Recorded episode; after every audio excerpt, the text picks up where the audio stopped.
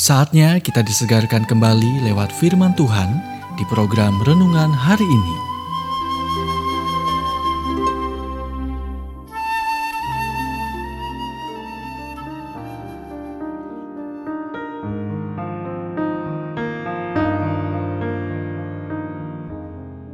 Renungan hari ini berjudul Pengakuan Baik untuk Jiwa. Nats Alkitab dari 1 Yohanes 1 ayat 9. Jika kita mengaku dosa kita, maka ia adalah setia dan adil, sehingga ia akan mengampuni segala dosa kita.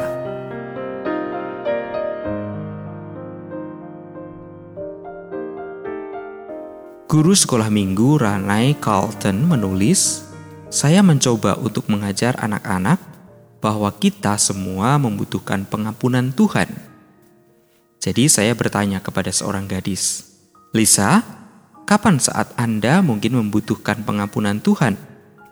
Tatapannya yang kosong memicu respon dari putra saya. "Tidak apa-apa, Lisa. Kamu tidak perlu memberitahunya." Kemudian dia menoleh kepada saya dan berkata, kami tidak perlu memberitahu Anda masalah kami. Ini bukan pertunjukan Oprah Winfrey. Memang benar, Anda tidak harus memberitahu orang lain tentang dosa Anda, tetapi Anda harus memberitahu Tuhan. Untuk melakukan pengakuan, dibutuhkan empat hal. Pertama, izinkan Anda mengalami pengampunan Tuhan. Tuhan sudah tahu dosa Anda tetapi Tuhan tidak bisa memaafkan Anda saat Anda mengalihkan kesalahan dan membuat alasan. Jika kita mengaku, Tuhan akan mengampuni dosa kita. Langkah pertama terserah pada Anda.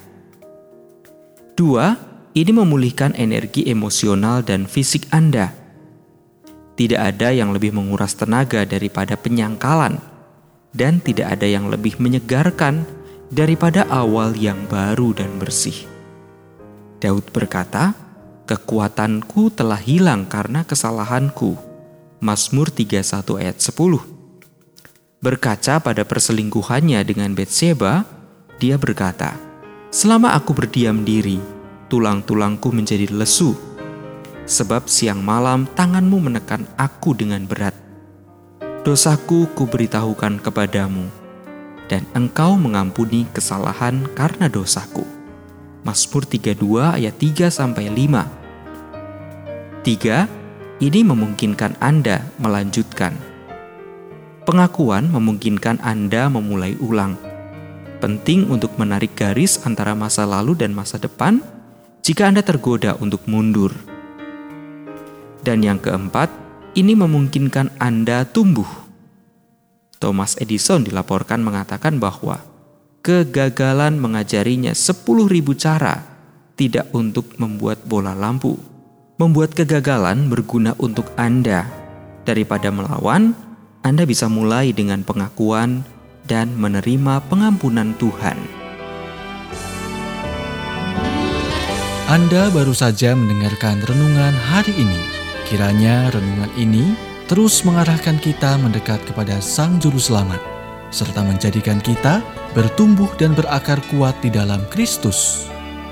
Bila Anda diberkati, berikan kesaksian Anda melalui WhatsApp di 0817 222 959 atau jika Anda ingin memiliki buku renungan hari ini, Anda bisa dapatkan di Radio Suara Gerasi FM, Jalan Setiabudi 31 Cirebon.